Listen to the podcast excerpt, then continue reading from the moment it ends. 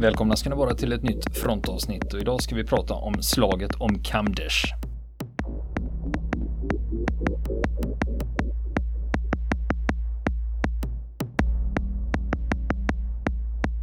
Ja du Niklas, eh, det här eh, slaget jag ska prata om nu, eh, det kallas för slaget om Kamdesh eller slaget om Combat Outpost Keating i östra Afghanistan. Mm. COP Keating eller COP Keating. Ja. Eh, och det här är 3 oktober 2009. Då Mitt ju, i kriget. Ja, då har man ju varit i, eh, i, då har ju amerikanerna och de andra koalitionsstyrkorna varit i Afghanistan ett tag. Ja. Och just det här Keating som vi ska prata om, den här basen då. Ja. Eh, det här namnet på den här basen, det kommer från löjtnant Benjamin Keating. Han dog den 26 november 2006 söder om basen. Och egentligen det här är lite udda för egentligen var det förbjudet för officerare att köra bepansrade lastbilar som man använde för försörjning. Mm. Men Keating han körde ändå. Och det var ett väldigt, väldigt tungt fordon och det var en smal väg han körde på. Och den här vägen rasar, han kastas ur fordonet och det rullade över honom. Så han avlider till följd av det. Och då uppkallar man den här basen, Cop Keating, efter honom då. Och eh, Det här området vi är, det, heter, det är Kamdesh-distriktet i östra Afghanistan. Det här är nära gränsen till Pakistan och det är 21 eh, mil ost-nordost från Kabul. Ja. Så det är från Kabul så snett uppåt höger också nära, ganska nära gränsen. Och där hade amerikanska styrkor etablerat en bas inne i en dalgång Mm. Och anledningen till att man la den just där, det är att genom den här dalgången så går en väg som historiskt sett används till att transportera folk och varor mellan Afghanistan och Pakistan. Mm. Eh, och det har smugglats en hel del längs den här vägen. Och då tänker man att men då lägger vi eh, en bas där då för att kunna kontrollera vägen. Och eh, man hade smugglat både eh, fiender då och vapen. Ja. Det gick ju livlig trafik från Afghanistan, eller från Pakistan. Ja, precis. Och själva idén med de här baserna som de hade i Afghanistan, det var, var dels ha närvaro på plats och sen och, och övervaka och försöka säkra områden då. Så att man hade kontroll över ställena då. Men platsen man har lagt den här basen på, det, den är långt ifrån ideal. Va? För den ligger längst ner i en dalgång, den har tre berg runt sig. Och då har man ingen eller väldigt lite kontroll vad som händer på bergssidorna. Och dessutom var den här basen svår att försörja. Och den var svår att försvara. Eh, så att planen var faktiskt att stänga den här basen. Det var liksom ja. idén då. Vi, vi, den här, nej men det här går inte. Va? Vi får slå igen butiken här. Va? Eh, och då tänkte man först stänga den i december 2008 då. Det blev inte så. Den stängdes inte. Eh, och nästa plan då skulle man stänga den i augusti 2009. Men på grund av att det pågick massa verksamheter på annat håll så då fick man inte fanns till det inte resurser? Liksom. Nej, det fanns inga resurser att flytta bort det här. Och, så då, ja, man, man bara vänta hela ja. tiden. Och eh, det var så att för att få dit en fordonskonvoj då fick de köra på kassa vägar och det var jättehög risk för eldöverfall hela tiden. Mm. Så det var ingen lättförsörjd bas. Nej. Men då tänker man, ja men de har ju helikoptrar. Ja, men eh, de helikoptrarna med förnödenheter, de flög bara dit på natten utan månsken för att de inte skulle bli beskjutna. Så de är ju på fientligt, eh, inne på fientligt område. Va? Ja. Och har det låter ju som de hade kunnat hitta en lite bättre plats. Ja, eh, men de har försökt att lösa det. Jag kommer till, eh, de har försökt att göra en grej i alla fall för att lösa det. Och det här är, den ligger lite off också, för det är en bra bit från eh, från andra baser. Då. Eh, närmsta större bas därifrån det är Jalalabad, det är 16 kilometer. Närmsta större bas där, det är Jalalabad, det är 16 mil söderut. Och det flyger man helikopter så är det 30 minuter det handlar om. Så de sitter ganska själva där eh, om det skulle hända något. Och eh, å andra sidan så hade man en annan Forward Operating Base Bostic. Den ligger bara tre mil sydost och då är det tio minuter med helikopter. Men det är fortfarande om något händer så får man ändå räkna med att det tar en stund att få dit hjälp då. Och den här platsen den har i botten av en dalgång, höga bergssidor mm. runt om. Eh, men för att förbättra situationen så hade man en observationspost, OP, OP Fritch. Den ligger fågelvägen två kilometer söder om Keating uppe på ett berg. Mm. Uppe på en höjd där. Men, och det skiljer 700 höjdmeter. Så den ligger mycket, mycket högre upp. Och de kan inte se varandra. Ah, de har nej. liksom ingen ögonkontakt däremellan. Men de har den högt uppe då för ja, att kunna övervaka bättre då. Va? Och kunna stödja varandra då. Och här händer det grejer va? Eh, kring Keating. För de har haft 45 eldstrider. Och det är sedan, för det jag ska berätta om det utspelar sig 3 oktober. Och från maj till oktober så har man haft 45 eldstrider som har varit inblandade i.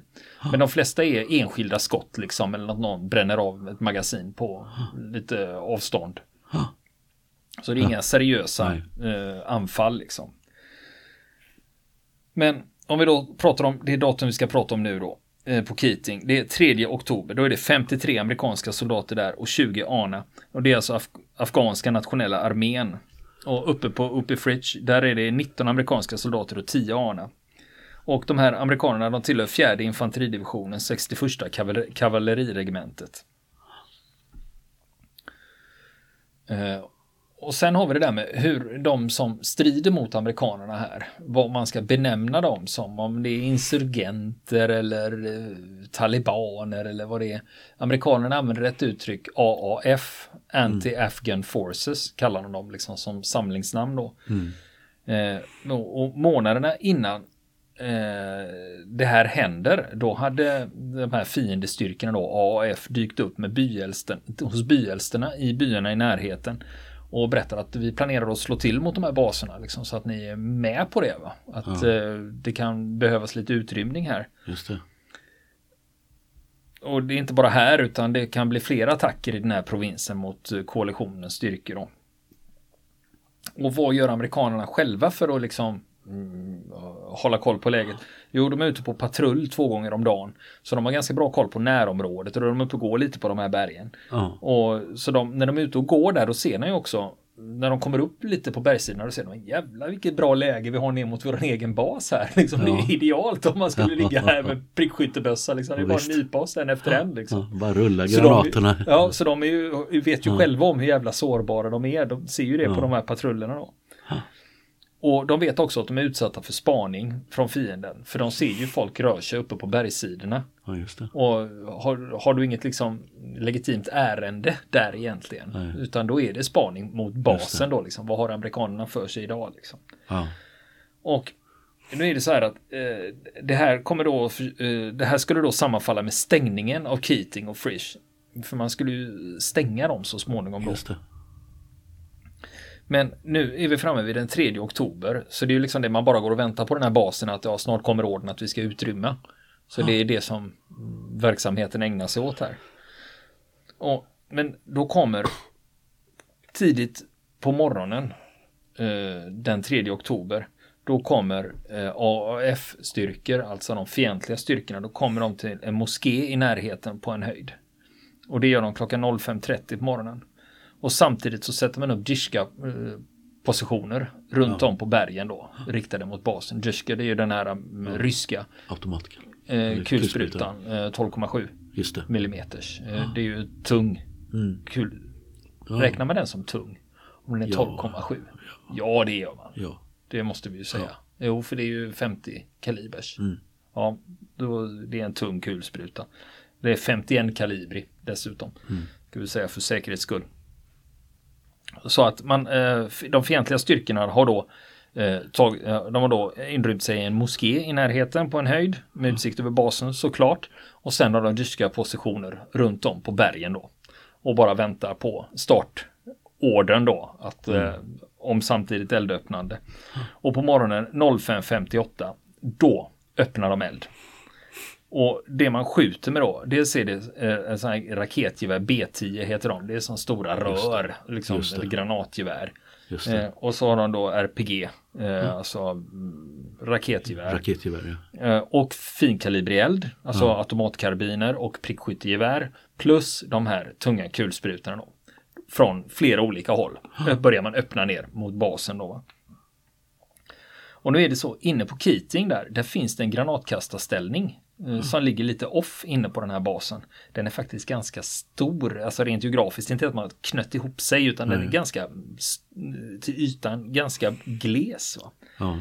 Och eh, den här granatkastarställningen inne på Keating eh, där tvingas de amerikanska soldaterna i skydd på grund av eldgivningen, för de vågar inte sticka upp huvudet.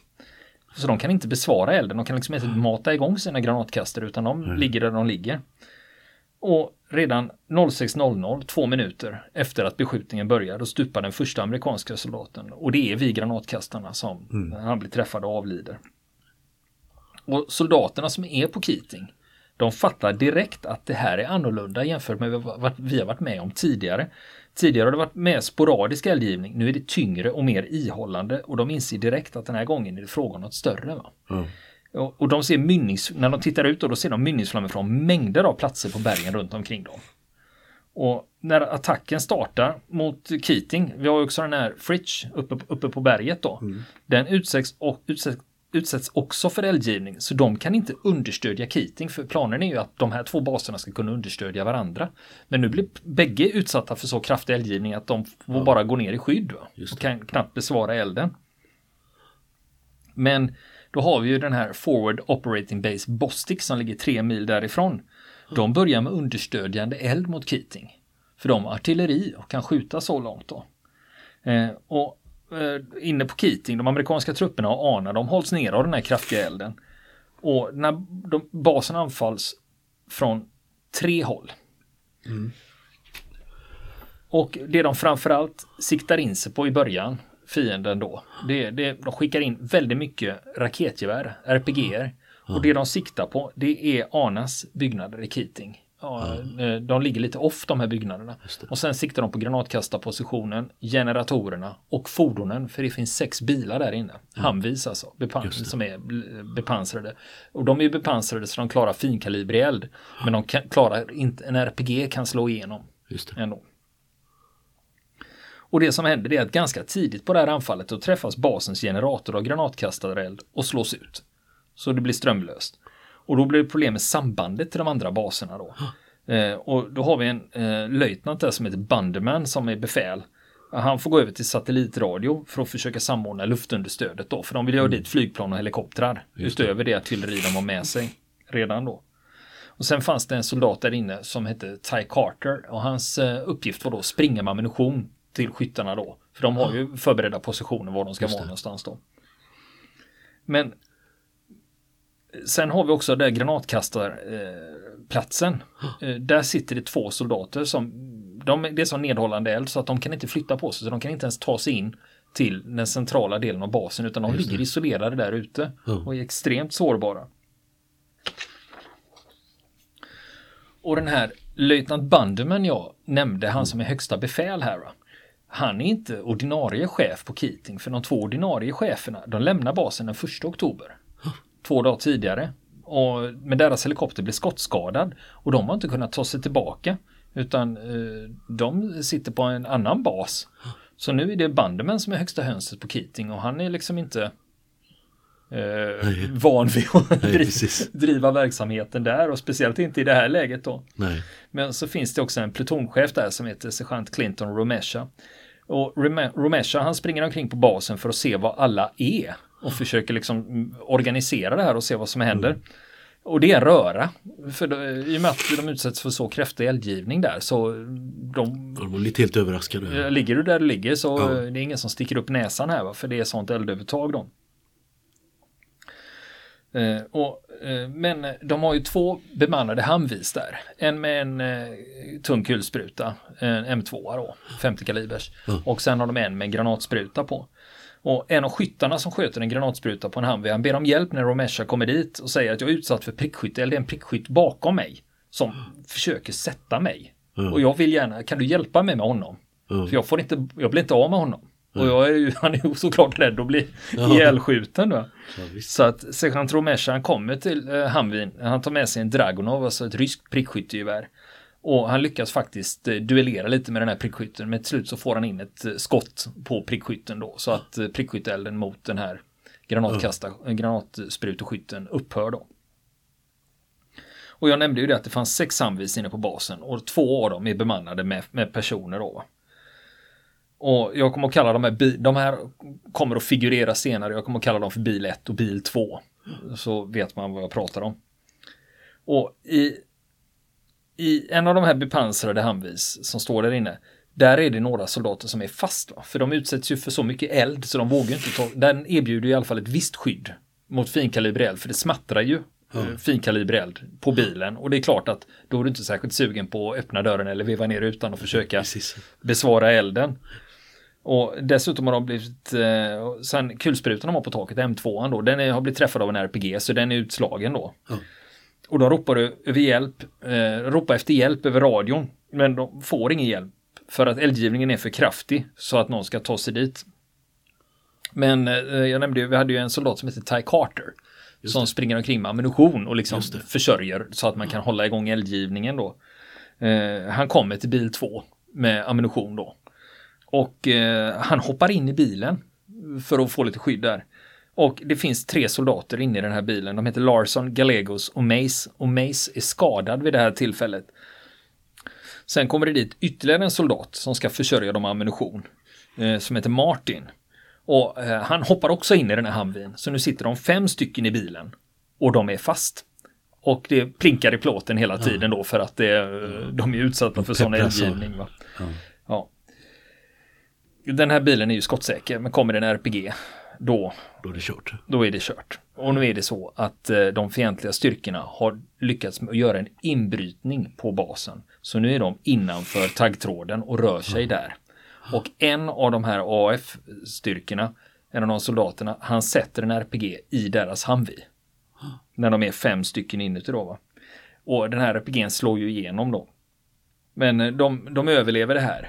Och eh, de fattar att de är dömda om de stannar. Alltså de, nu när de fientliga styrkorna har kommit in på basen och rör sig där och sitter vi kvar här i bilen så är det bara att vänta på att vi ska dö. Så Gallegos han gör en plan och det är att de ska ta sig in bakom latrinerna i närheten. Och de gör en utbrytning, först tre man. Men Gallegos som sticker ut där, han träffas av kulspruteeld och faller. Och Mace, han träffas av en RPG. Och Martin, han ser de inte till överhuvudtaget. Eh, Lar Larsson, Larson och Carter, de är fortfarande kvar i Hamvin. Tre har ju lämnat och två har strukit med. Mm. Eh, och de får ingen radiokontakt och de börjar fundera på att Fan, det är kanske bara vi två kvar på hela basen. För de, de, ja, de, de får ingen radiokontakt och liksom det bara skjuts Vet överallt. inte någonting. Vet nej, ingenting. Precis. Fan, är det bara vi kvar? Va? Men då ser de Mace röra sig, han som har blivit träffad. Eh, mm. Han kommer krypande då. Och samtidigt så, så ser de kulorna slå ner runt omkring honom. Eh, när han kommer krypande på marken där. Och det är 30 meter mellan Hamvin och Mace. Och Larson och Carter, de springer ut och uh, tar sig ända fram till Mace. Och då ser de att Gallegos ligger där död. Och Carter kommer fram till Mace och lägger förband. Och Carter lyfter upp Mace och tar honom till Hamvin. Det är ju i alla fall något bättre skydd. Och det här sker alltså ute i det öppna under eldgivning. Det är inte skyddat när de Nej. håller på med det här. Va? Det är rena skjutbanan. Ja, men ändå har de tänkt efter lite. För när de är där ute och Gallegos ligger, ligger stupad där. Då eh, ser de att hans radio ligger där. Så de tar med sig hans radio. Och då får de kontakt med Bunderman inne på staben då. Det är ju inte så långt Nej. därifrån men... inte rekommenderat ja. att promenera över. Ja. Och under den här striden upptäcker Bunderman då, löjtnanten, att de är utsatta för kräft, kraftig eldgivning norrifrån. Ja. Från basen. Och det, det är bara 100 meter från basen. 100 eh, meter från utkanten av basen. Där är det nationella polisen, ANP, Afghan National Police. Där har de sin polisstation. Och den här byn eh, kallas, där den ligger då, de hänger ihop nästan. Den kallas för Urmol och den gränsar då till eh, Keating. Men tidigt på morgonen, då har talibanerna, eller ja, eh, AAF-styrkorna då, eh, då har de skickat iväg byborna från Urmol och förskansat sig polisstationen och sagt att nu jävlar, nu kommer det att hända grejer här va. Så att byn var ju utrymd då.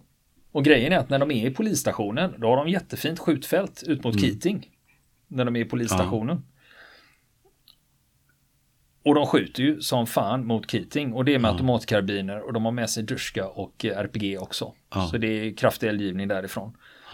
Och eh, en av de amerikanska soldaterna, Joshua Kirk, han tar ett pansarskott då. Ett svenskt ja. pansarskott, en 84. AT4 alltså. Eh, och då ska han slå ut ett fientligt kulsprutenäste vid polisstationen där. Men han träffas av en RPG och stupar. Hans kamrater tar honom till förbandsplatsen men det är kört, han överlever mm. inte. Och Banderman han fattar ju att fienderna i Urmol då, i polisstationen, det är det allvarligaste hotet mot oss just nu. Och han kallar in flygunderstöd och artilleri mot Urmol. Bara för att få ner trycket därifrån. Ja, så att det kan lätta lite. Och trupperna på Keating, eh, för basen är ju liksom det kommer in fiender där nu. Ja. Och trupperna inne på Keating då får retirera till ett mindre område inne på basen och liksom dra sig tillbaka. Och stab, så då får omgruppera sin stab helt enkelt och flytta på sig från, sitt, eh, från sin ordinarie plats. Och det här jag beskriver nu, mm. eldgivningen börjar ju 05.58 och det, det vi är framme nu, nu är klockan 06.30. Det här har bara pågått en halvtimme. Ja. Det har hunnit hända en hel del. Just det. Under den här striden. Och eh, när de här fientliga styrkorna kommer in, då sätter de också eld på byggnader utöver att det redan har fattat eld på grund av den kraftiga beskjutningen. Mm. Så brinner det redan på flera håll. Och eh, det är ju klart att amerikanerna blir ganska rädda när de får se att fienden är inne vid mm. våra byggnader nu och rör sig. Just det. Och de försöker ju få dit luftunderstöd, men det är ju en bit att flyga. Och vid det här laget så har amerikanerna mm, i alla fall tre stupade och flera sårade. Men eh, 06.48 då är två F-15 eh, Eagle på plats och börjar beskjuta området kring basen då. Och nu börjar det här med luftunderstödet komma igång. Eh, och eh, då var det ju tre stycken i Hamvin som sitter fast där varav en är svårt sårad. Och då när de märker att luftunderstödet börjar rulla, då tänker de att ja, men nu kan vi ta, ta igång, nu kan vi börja röra på oss då. Mm. Och när eh, samtidigt som flygplanen börjar skjuta, då börjar även soldaterna på basen och liksom skjuta. Ja. Så att man får ökad eldgivning och får mer bly i luften och liksom kan börja bita tillbaka. Just det. Och då tänker de i Hamvin att eh, nu tar vi oss till förbandsplatsen med Mace här, för han är ju sårad. Så de, Mace ligger på en bår och Larsson och Carter de bär och de kommer in till förbandsplatsen med honom. Det är ungefär 100 meter. Som, det är ju inga stora avstånd här va? men eh, elden har gjort att de suttit där de har suttit. Precis. Ja. Och sen 0702 då har man ju tappat ännu mera mark va? inne på ja. basen och man retirerar till sjukvårdsbyggnaden då. Det är där som eh, liksom, den finns kvar och den brinner inte. Så att det är dit man, det är deras Alamo skulle man kunna ja, säga. Eh, och Banderman, eh, löjtnanten mm. där, han börjar fundera över att fan, vi riskerar ju faktiskt att förlora det här. Mm. Och han vet ju att eh, om vi förlorar det här och blir överkörda, mm. Då är det ju, antingen blir vi ju dödade på plats eller också blir vi tillfångatagna så blir vi ju halshuggna på en video liksom. Så att han, först, de, han förstår ju allvaret i det här. Just det. Så nu är det dags att försöka ta tillbaka basen. Vid skjuttiden här. Och då gör man två sexmannateam som ska ut och röra på sig och försöka rensa från ja. fienderna som är inne på, inne på basen. Och eh, man börjar med det här. Men eh, man håller på med det här i en timme. Men det är fortfarande full strid på platsen. Så det pågår under lång tid. Ja. Och nu är det så här, man har ju sårade som kommer in liksom mm. löpande så här. Men ja, man kan ju inte få ut dem någonstans eftersom det, man får inte dit några medvex, de här helikoptrarna då som kommer och tar med sig sårade. Och det är ju på grund av all eldgivning. Just det. Och eh, klockan en timme senare, det här fortsätter, då rapporterar eh, Keating då att eh, ja, vi har ytterligare 12 sårade här nu. Så att det är liksom ja. Folk stupar, folk är Kaos. sårade och det liksom Kaoset Och till slut, man vet ju liksom. att man kan hålla ut si och så länge. Till slut så är det ju ingen kvar. Va? Nej. Uh, och, uh, men man hade ju skickat ut två sexmannateam här som skulle då rensa basen och försöka ta tillbaka så mycket de kunde. Och Romeshas roll, Clinton Romesha, hans grupp, de skulle ta tillbaka entrén till basen. Och de kör in, när de då, och nu är det ju liksom basen är ju som ett fientligt område. Just det. Numer. Så att de kör växelvis framryckning och skjuter sig fram mot ingången. Och det är hög fart hela tiden, det är eld och rörelse. Och de är i närheten av ingången när det tar stopp. Och det beror på att mm. elden mot dem är för kraftig. Men ändå lyckas de trycka på med, med att ha mycket bly i luften och röra sig framåt. Och de lyckas till slut ta tillbaka entrén. Och det är 30-40 fiender som är på väg in när de håller på porten då. Och amerikanerna sätter stopp för fienderna då. Mm. När de försöker ta sig in den vägen. Men sen är det också det att man måste också rensa inne på den egna, det egna det. området. Va? Och nu kommer attackhelikoptrar. Det är Apache-helikoptrar som kontaktar Keating för att få reda på var är de vänliga styrkorna? Var, mm. var kan vi skjuta? Ja, och det, de vet ju mm. de har ju ganska bra koll på hur de har fallit tillbaka. Och det är inte bara Apache-helikoptrar som kommer här utan även, man har ju F-15-plan och sen kommer också A-10 då. Mm. Heter de Sand, vad heter de? Warthog. Och så kommer A-10 också. Ja, som kan understödja marktrupperna. Ja. Och när man får igång det här luftunderstödet då börjar fienden vika sig tillbaka. Lite, fast striden är inte slut. Det är Nej. bara det att det lättar lite. Va? Och samtidigt så har man ju fått upp drönare i luften. Så att eh, man från Jalalabad och andra platser kan liksom följa och se vad det är som händer då. Men det har börjat brinna in i en massa byggnader inne på Keating. Bland annat Anas byggnader står ju i ljusan ja. låga. Va? Så, det kan, så det är svårt för dem att se. Och liksom få ett grepp om vad det är som händer. Ja. Och eh, Bandman, han dirigerar eh, den här haubitselden från Bostik, det är 155 mm haubitsar. Han dirigerar den haubitselden till närheten av Uppy Frisch. Så att när det börjar, när de börjar få eld omkring sig, då lugnar det sig för dem. Och de här haubitsarna, det är nästan maximalt avstånd. Och mm. Träffsäkerheten är ju lite... Det är lite si och så på maxavstånd. Den börjar ju svaja lite då. Ja. Men det gör också att eh, då lättar det lite för Uppy Frisch när de mm. får haubitseld runt omkring sig. Och då får de ett övertag i sin eldstrid och då kan de sätta igång med sina 120 mm granatkastare för att stödja Keating. Så nu börjar de kunna lägga granatkastareld runt basen då och det också bidrar till att trycka ner fiendeverksamheten. Men en Apache som är uppe där och deltar i det här, den passerar moskén eh, och då träffas den och duska eld och då blir den skadad och får dra sig tillbaka till sin bas. Sen är det en annan Apache som är där uppe. Den träffas också, men den stannar kvar. Mm. Men den får, blir fortfarande utsatt för kraftig eldgivning från marken och från bergssidorna. Och eh, tredje Apache som kommer dit, den träffas så illa så den får vända och åka tillbaka till basen igen. Ja. Så att eh, de är ju inte osårbara Nej, mot precis. den här typen av kulsprutor. Men nu är vi framme vid, eh, och det fortsätter så här, eh, fram till klockan 11.47. Då händer mm. nästa avgörande sak. Ja. Då är det att då kommer det en QRF, alltså en Quick Response Force med helikopter till uppe i Frisch. För där är det lite, där har det ju lugnat ner sig. Ja. Så där kan de landsätta en pluton då. Ja. Eh, och då är målsättningen, det långsiktiga målet är liksom först säkra uppe i Frisch och sen ta sig ner och, och försöka ta, och ta tillbaka Keating då. Ja. Eh, 11.47 kommer den första helikoptern dit. Och nu nere på Keating, där brinner alla Anas byggnader inne på basen. Och eh, när klockan är 12.36 då fortsätter man med luftunderstöd och då börjar markstyrkorna kunna ta tillbaka basen. Och de lyckas få kontakt med soldaterna vid granatkastarna inne på området. Mm. Då har de legat isolerade där i 6,5 timme. Ah. Under den här kraftiga eldgivningen. Ah. Det är nog inte så mysigt. Ah. Och nu passar de också på att leta efter andra, andra amerikanska soldater inne på basen som de har tappat kontakten med. Och då påträffar de flera stupade Eh, eh, amerikanska soldater. Och nu får de börja räkna ihop här, ja, men hur, fan, hur stora förluster har vi egentligen? Och då är det, mm. vid det laget så är det åtta stycken stupade amerikaner. Och då är mm. klockan 12.36. Och eh, nästa grej som händer det är vid 14-tiden. För att eh, uppe vid uppe Frisch hade ju landat en QRF, en Quick Response Force. Och den är nu förstärkt så det är två plutoner. QRF som har kommit till uppe Frisch. Och klockan två då börjar de röra sig från Frisch mot mm. Keating. Och det här är två kilometer då. Men det här är inte i rät linje va? De ska ju ner 700 höjdmeter. Ja. Och det är ju ingen lätt terräng heller. Va? Det är ju berg, bergssidor som de ska försöka. Smidigt, Plus att det är fiender där. Ja. Så att det är ju inte en promenad liksom. På, på något sätt. Då. Eh, och sen eh, eh flyttar vi fram två timmar klockan 16 och nu brinner alla byggnader inne på Keating utom sjukvårdsstugan.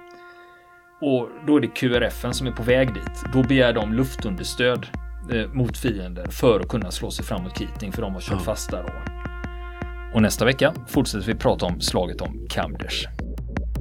Vill ni komma i kontakt med oss så kan ni göra det via vår Facebook-sida som heter Fronten. Det är inga problem för er att leta er fram där.